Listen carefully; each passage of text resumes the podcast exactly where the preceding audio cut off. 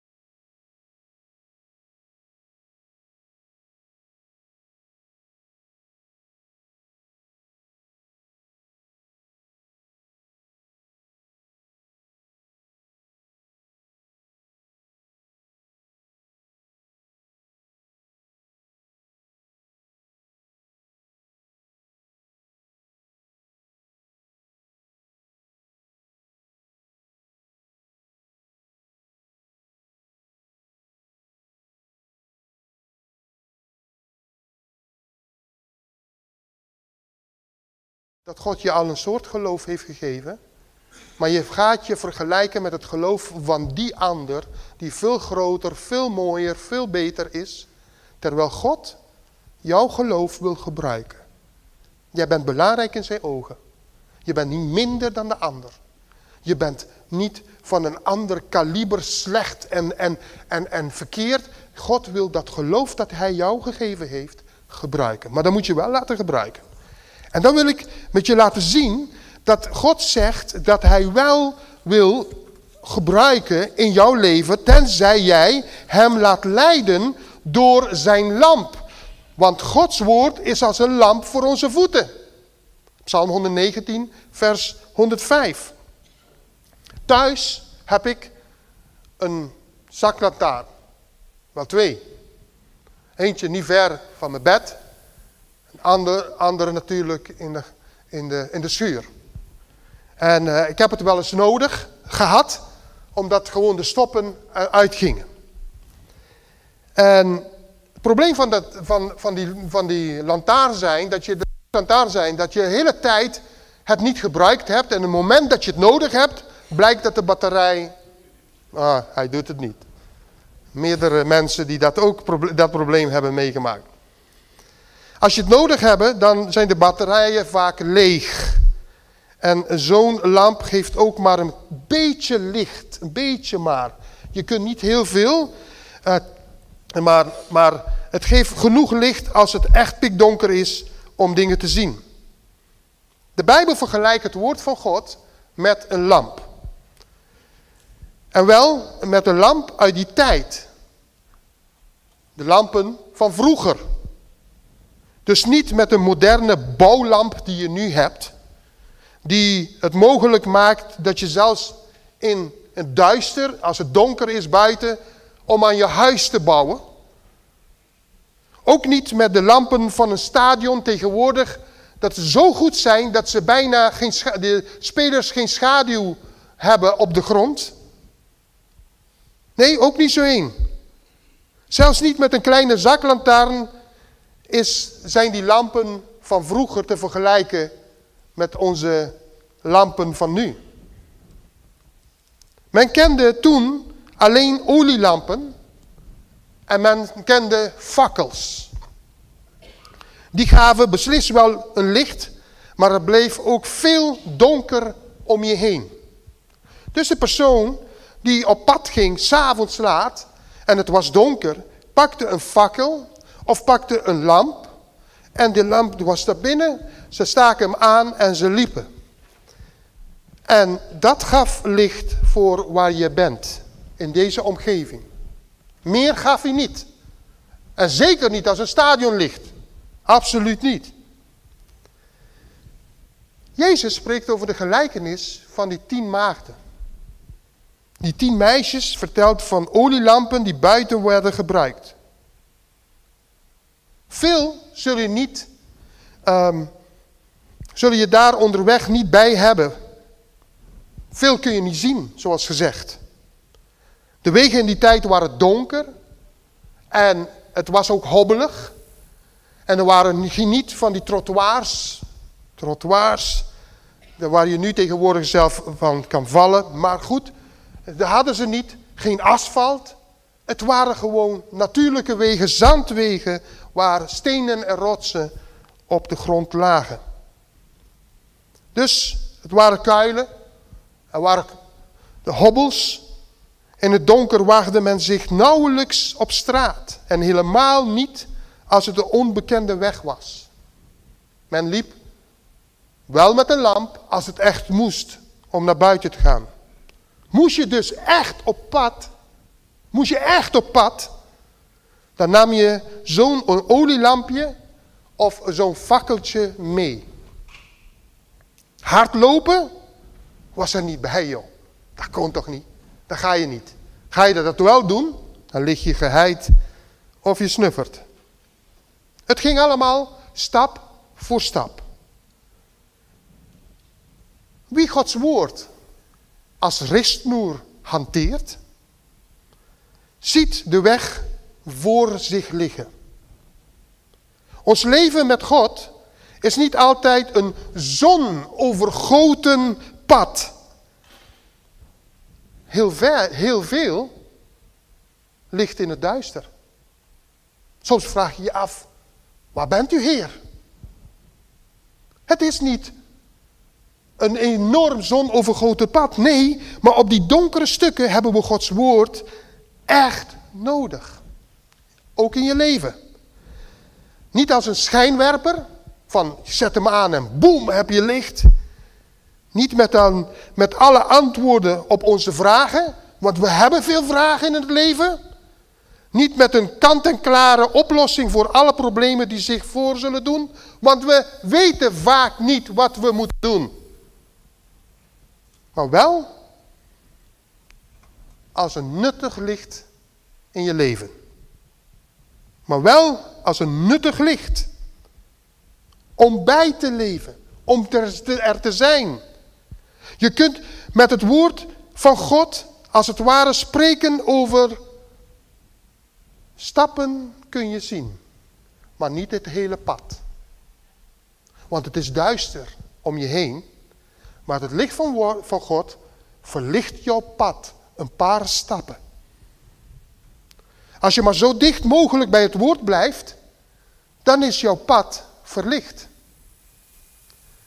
Ga je te snel en ben je ongeduldig, dan ga je struikelen. Als je dat niet doet, sta je voor je weet in het donker.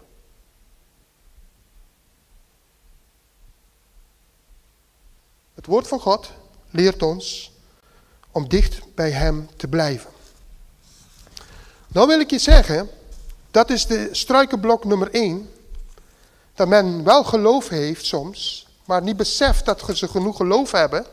Maar ze begrijpen, mensen begrijpen niet altijd dat God jou een bepaald soort geloof gegeven heeft. Maar je moet wel in het licht blijven. Het licht van zijn woord. Uw woord is een lamp voor mijn voeten en een licht op mijn pad. Niet voor een stadionlicht, maar mijn padje, mijn levensweg. Veel is nog in het duister, maar Gods woord verlicht jouw weg. En gaandeweg brengt hij jou veilig aan de overkant. Struikenblok nummer 2. Onwetend.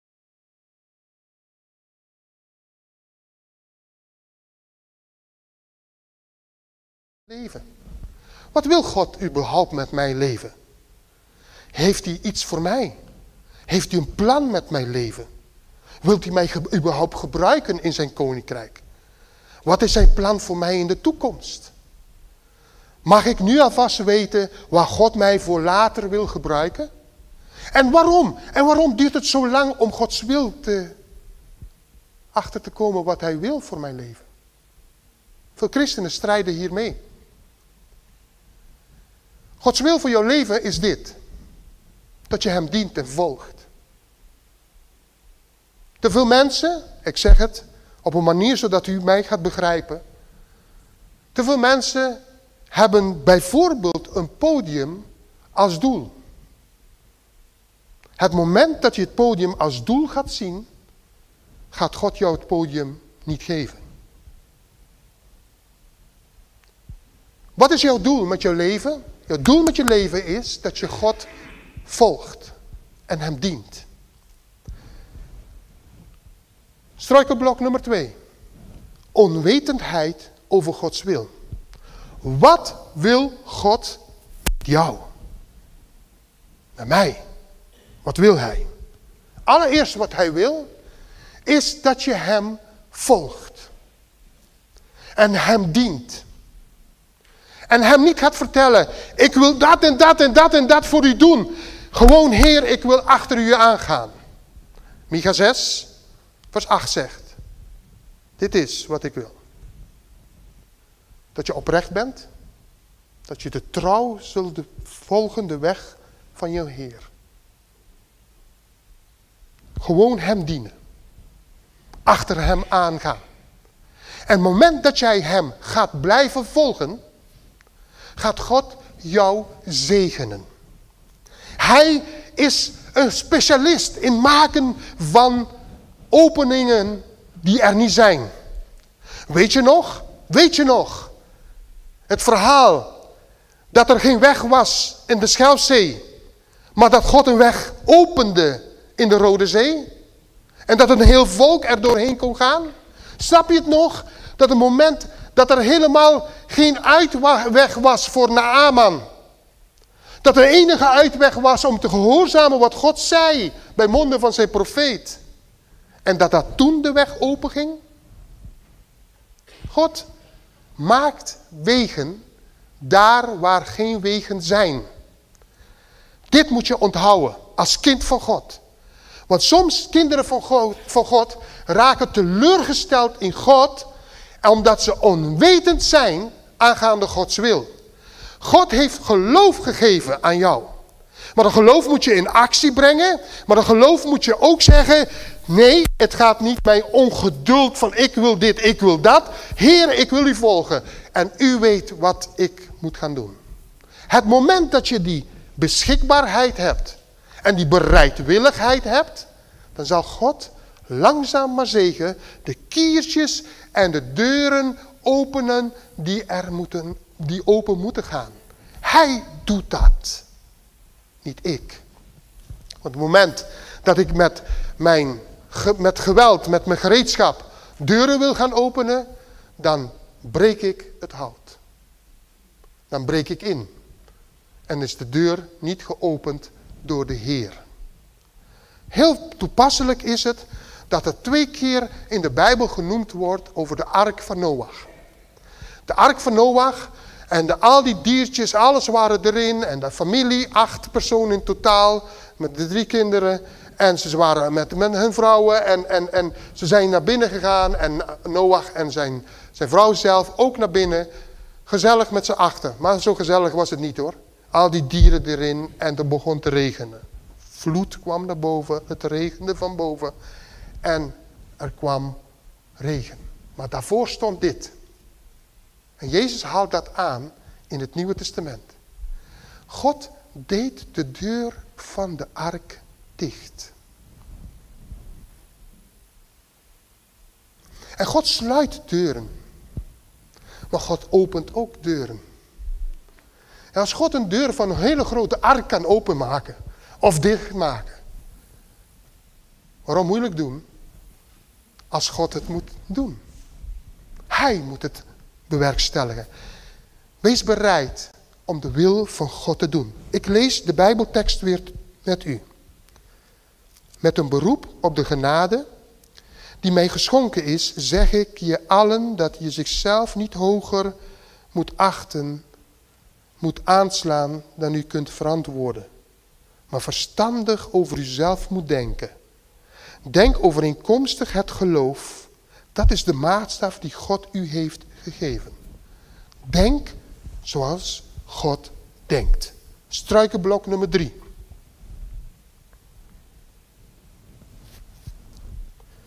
Onwil om te gehoorzamen. Onwil om te gehoorzamen. Het niet willen gehoorzamen. Geloof houdt niet alleen in, in het horen van wat God zegt. Maar in het doen van wat God zegt. Hebt van die mensen argumenteren. Argumenteren is niet verkeerd. Maar argumenteren, gebaseerd op verstand en ervaringen, kunnen oprijzen als sterke bolwerken tegen Gods wil in. Want onze logica is niet altijd Gods woord. Ik vind, ik vind dat er bepaalde dingen dat God, ik, ik vind dat God hier bij wijze van spreken op een bijzondere, miraculeuze, wonderbaarlijke manier hier moet zijn. Ik vind dat hij alle zieken moet genezen. Ik, ik, vind, ik vind dat hij al onze noden moet oplossen, alle minuut. Ik vind, ik, ik vind, ik vind dat al je, je, je, je problemen opgelost worden. Ik vind, ik vind dit, eh, ik vind, ik vind, ik vind. Maar wat vindt God? Hij wil dingen doen. Maar hij wil ook dat wij hem vertrouwen, ook al doet hij dingen niet. Maar hij is een God die wonderen kan doen. En ik geloof in een God die wonderen kan doen. En ik geloof dat Hij je wil gebruiken in je leven. En ik geloof dat Hij door jouw ziekte heen anderen kan zegenen. En ik geloof dat Hij jou wil genezen van jouw ziekte. Ik geloof dat God een wonderbaarlijke God is. Maar als God het niet doet, hoe dan?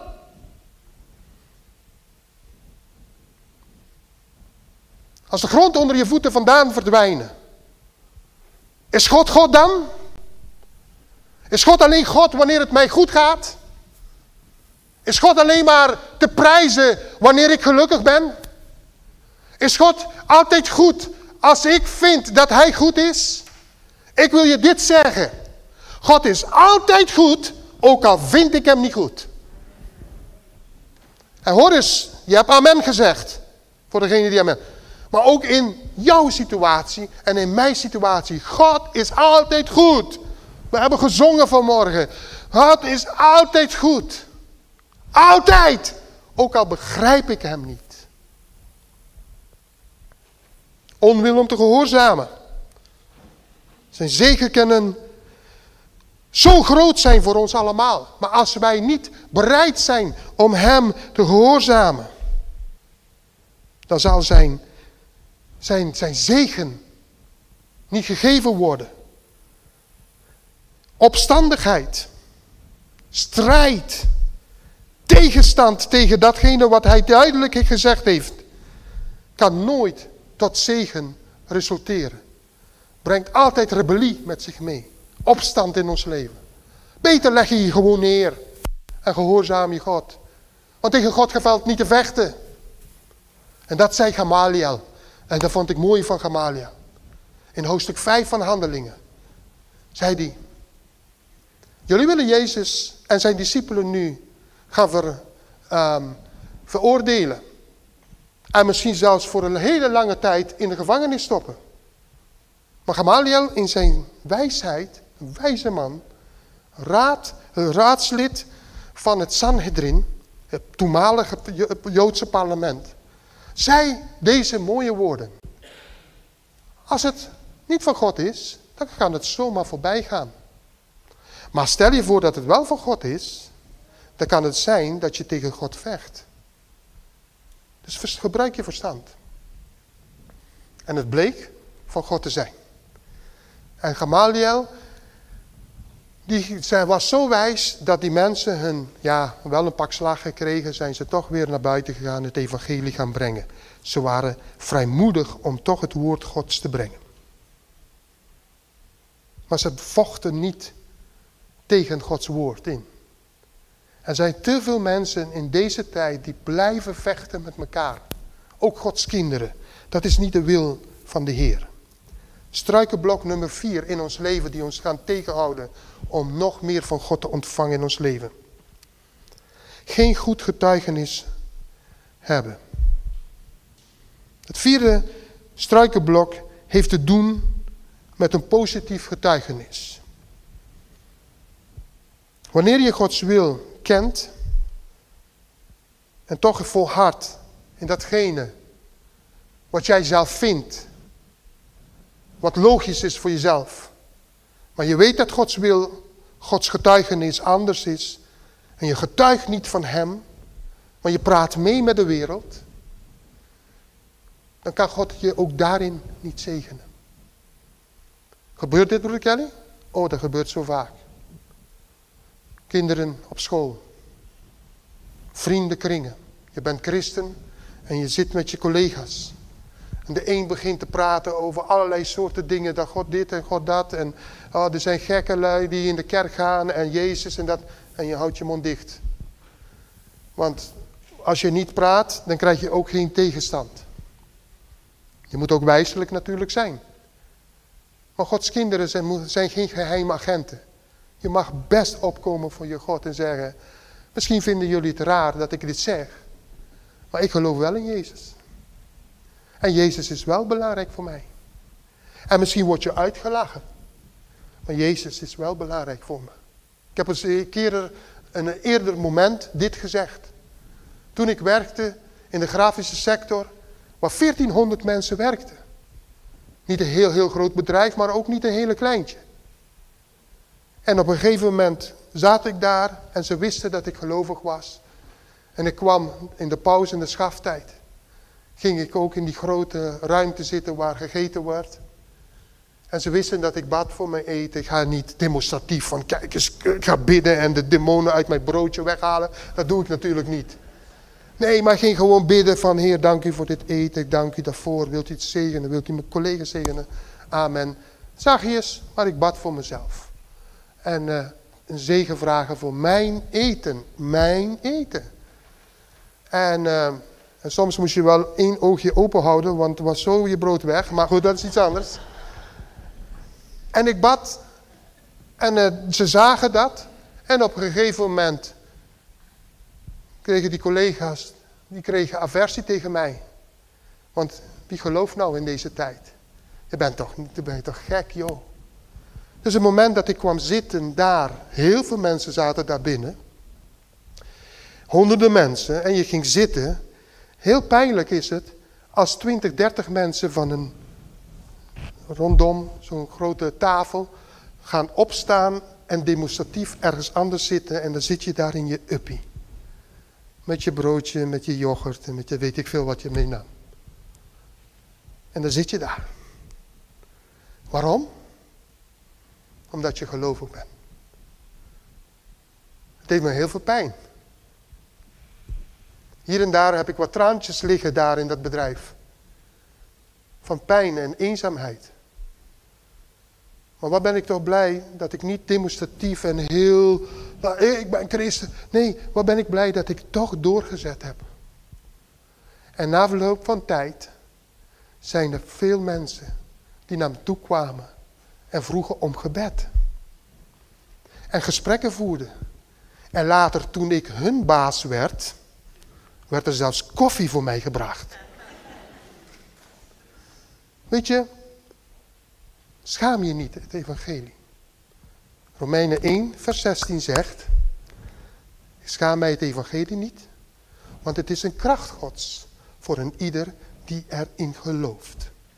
Het is een kracht gods. Amen. En dit punt, struikenblok nummer 5. Dit is een hele, hele belangrijke vind ik. Gebrek gebrek aan actie. Jacobus 2, Jacobus 2, vers 26 zegt, geloof zonder werken is dood. Geloof zonder werken is dood. Dus als je gelooft en je zegt, ik geloof in de Heer. Ik geloof in de Heer. Ik geloof in Jezus. Ja, ik geloof in Jezus. Maar verder doe je niks. Dan zegt de Bijbel dat jouw geloof gewoon morsdood is.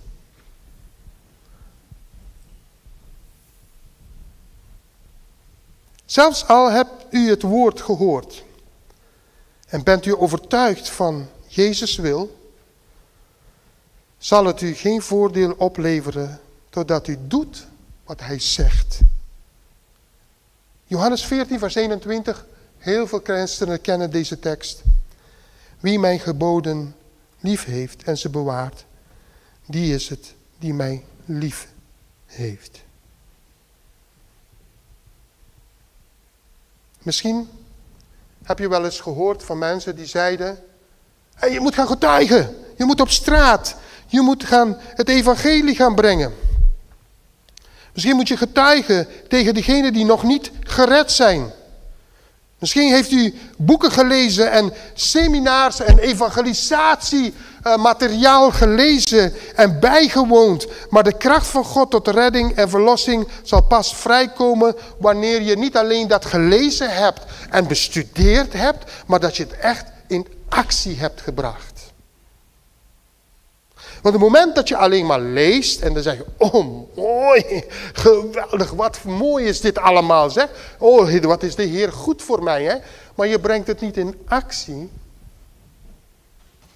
Dan is het toch dood. God openbaart, manifesteert zichzelf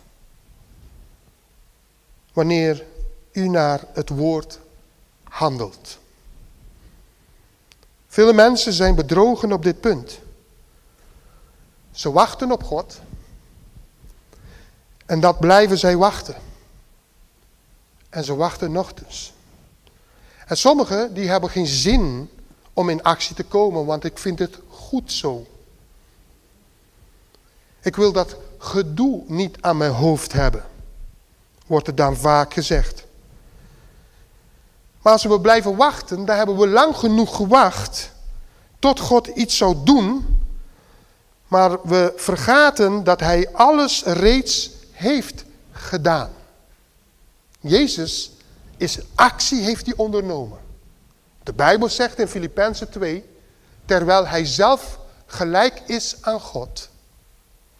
Hij zelf God is dus. Filippenzen 2 vers 5. Nam hij actie om naar de aarde te komen.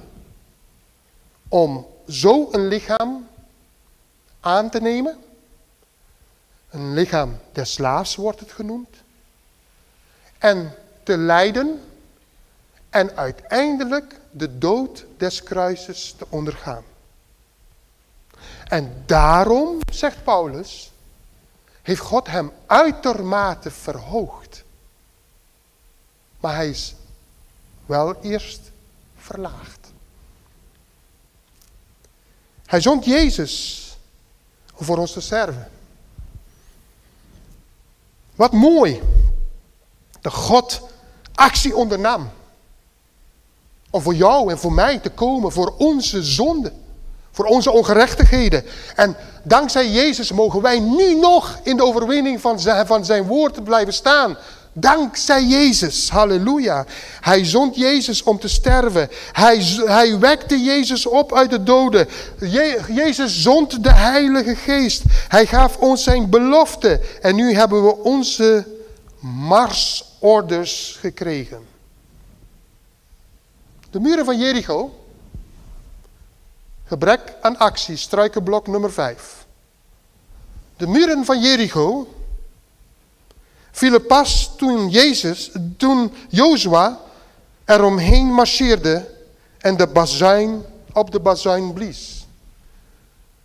Ze konden lang naar kijken, maar zolang ze niks, geen actie ondernamen, bleven die stenen mooi op elkaar staan.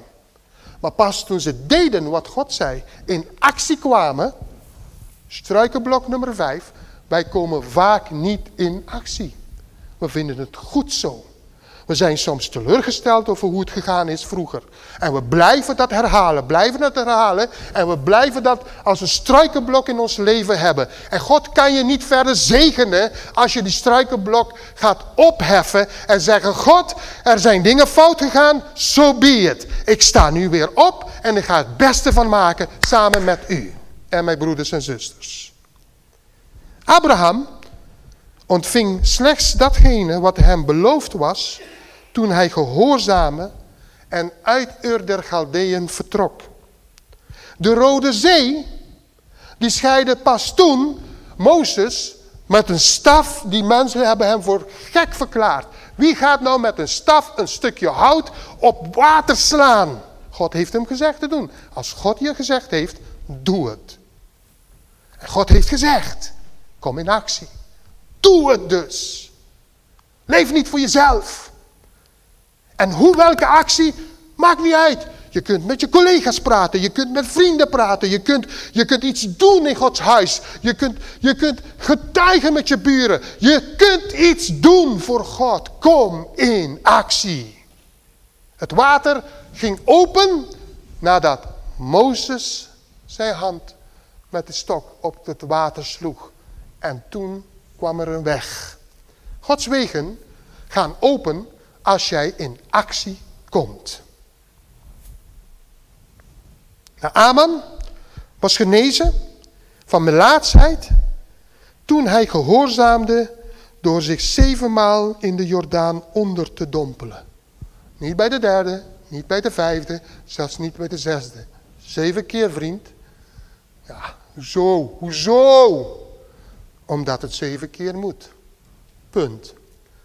Als je het goed doet, wat God zegt in actie komt, dan zal die struikelblok opgeheven worden. Hij kwam bij de zevende keer omhoog en zijn huid was gezond. Gods wil is dat je in actie komt voor hem. Het water veranderde pas in wijn toen de bedienden de watervaten met water hadden gevuld en eruit begonnen te scheppen. Nadat Maria hen had gezegd, wat hij u ook zegt, doet dat. Johannes 2, vers 5.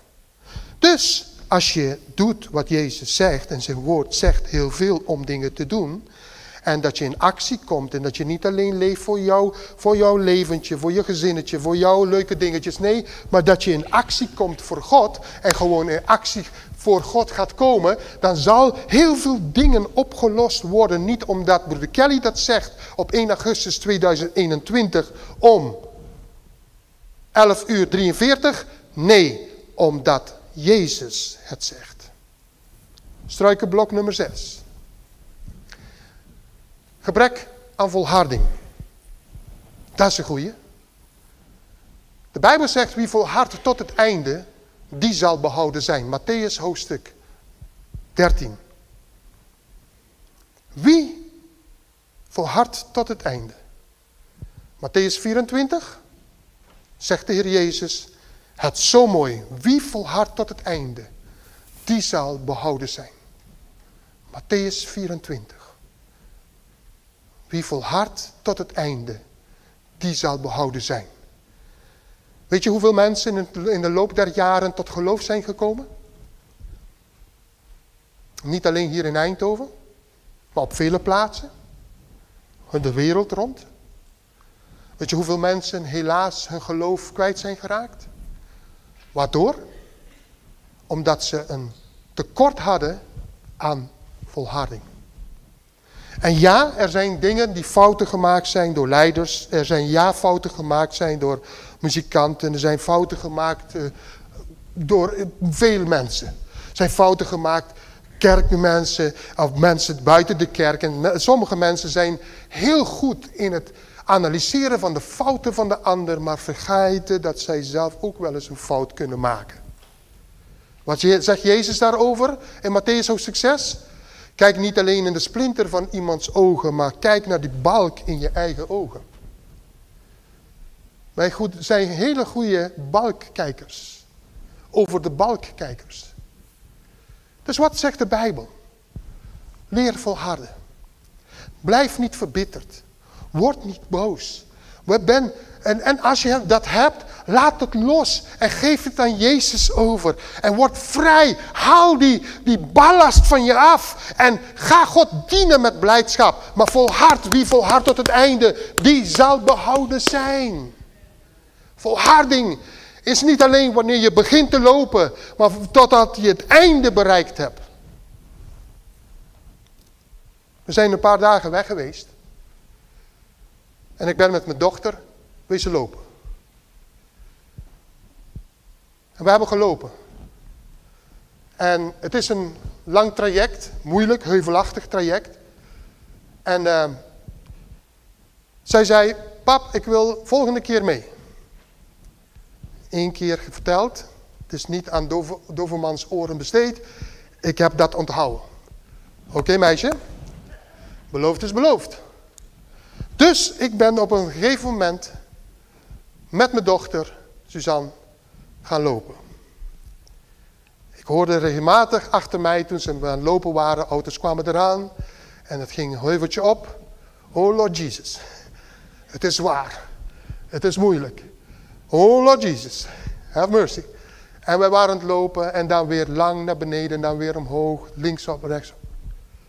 Wat het mooie daarvan is, dan moest ik een keer die, die, dat filmpje van haar zien, heb ik haar opgenomen in de plaats waar we waren. En ik heb haar opgenomen en ze sprong. Ik heb het behaald! Ik heb het gehaald! Joehoe! Je had haar moeten zien. Ze was zo happy, zo blij. Maar onderweg was het moeilijk. Niet alleen voor haar, voor mij ook. Onderweg was het moeilijk. Zo is het geloofsleven ook. Onderweg kan het moeilijk zijn. Maar als je volhardt, vasthoudt aan Jezus, dan zul je komen in het koninkrijk van God. En tegen wie heeft Jezus dit gezegd? Niet tegen ongelovigen, want die willen Jezus niet volgen. Tegen jou en mij zegt hij dat. Volhard. Volhard. Kijk niet op bitter fouten van mensen. Raak niet verbitterd of boos. Maar volhard. Volg Jezus tot het einde toe. En op een dag dat je ogen hier sluiten op de aarde. Gaan ze open in de hemel. Want je hebt volhard. En dat is de prijs die wij gaan behalen. Bij Jezus voor eeuwig te zijn. Laatste struikelblok. Gebrek aan liefde. Dat is een gebrek zeg. Want heel veel mensen hebben elkaar lief van degene die mij lief hebben behandeld. En als je alleen maar lief, liefde kan geven aan iemand die lief voor jou is geweest, dan is jouw liefde heel beperkt. En als je niet leert in, in een relatie, of in een familiaire situatie, of in een vriendenkring, of in, met collega's, of met je buren, niet te kunnen vergeven en liefde kunnen geven, dan blijft het mank in je leven. Ja, er zijn mensen die je kunnen kwetsen. Misschien heb je zelf ook mensen gekwetst. Maar als je alleen maar niet terug kan kijken naar, alleen maar terug kan kijken naar het verkeerde en niet het positieve kan inzien, dan zal jouw leven zuur zijn. Jezus leert ons deze woorden. De meest bekende, het meest bekende vers. Al zo lief heeft God de wereld gehad. En wat voor wereld was het? Een vieze, vuile, smerige wereld. Die God zegt, go away. Alsjeblieft, ga, ga. En God die zegt, ik kom voor jou. Liefde hebben we gelezen vanmorgen. Romeinen 12 vers 3. Een liefde die God geeft, die alle verstand te boven gaat. Heb een beroep op de genade die je geschonken is. Dat je jezelf niet hoger moet aanslaan. Die genade is liefde. God wil dat je hardheid, je hardheid, je veroordeling, je boosheid loslaat. Want als je het niet loslaat, dan neemt hij die boosheid, die hardheid, jou mee in je levenspad. En dan word je niet vrij. Laat los en je zult losgelaten worden. Vader, ik dank u dat u ons zeven hindernissen hebt geleerd vandaag uit uw woord. Allemaal stuk voor stuk voorbeelden uit uw woord. Hindernissen in het leven, en zo zijn er nog veel meer. Maar deze hindernissen kunnen ons leven als christen zuur maken. Omdat wij dan niet verder kunnen komen. En wij, we als gemeente willen verder. We willen doorbraak in ons persoonlijk leven. Doorbraak in het leven van ons gezin, in onze familie. Een doorbraak in de gemeente. Een doorbraak in Eindhoven en omgeving. Dat vele zielen gered zullen worden tot in eeuwigheid. Maar help ons om in uw licht te wandelen. In het licht van Jezus. Niet een bouwlamp, niet een stadiumlamp, maar onze fakkel en ons lampje. Dat we naar buiten lopen Stap voor stap. Want wat zegt dat lampje ons, of die fakkel? Dat om ons heen heel donker is. En we hebben niet alle vragen op alle antwoorden. Of niet alle antwoorden op vragen. Help ons, Heer. Alsjeblieft. Help ons. Help ons om christenen te zijn die de hindernissen overwinnen in ons persoonlijk leven. Dan bid ik en vraag ik in Jezus' naam. En iedereen zegt met mij, Amen.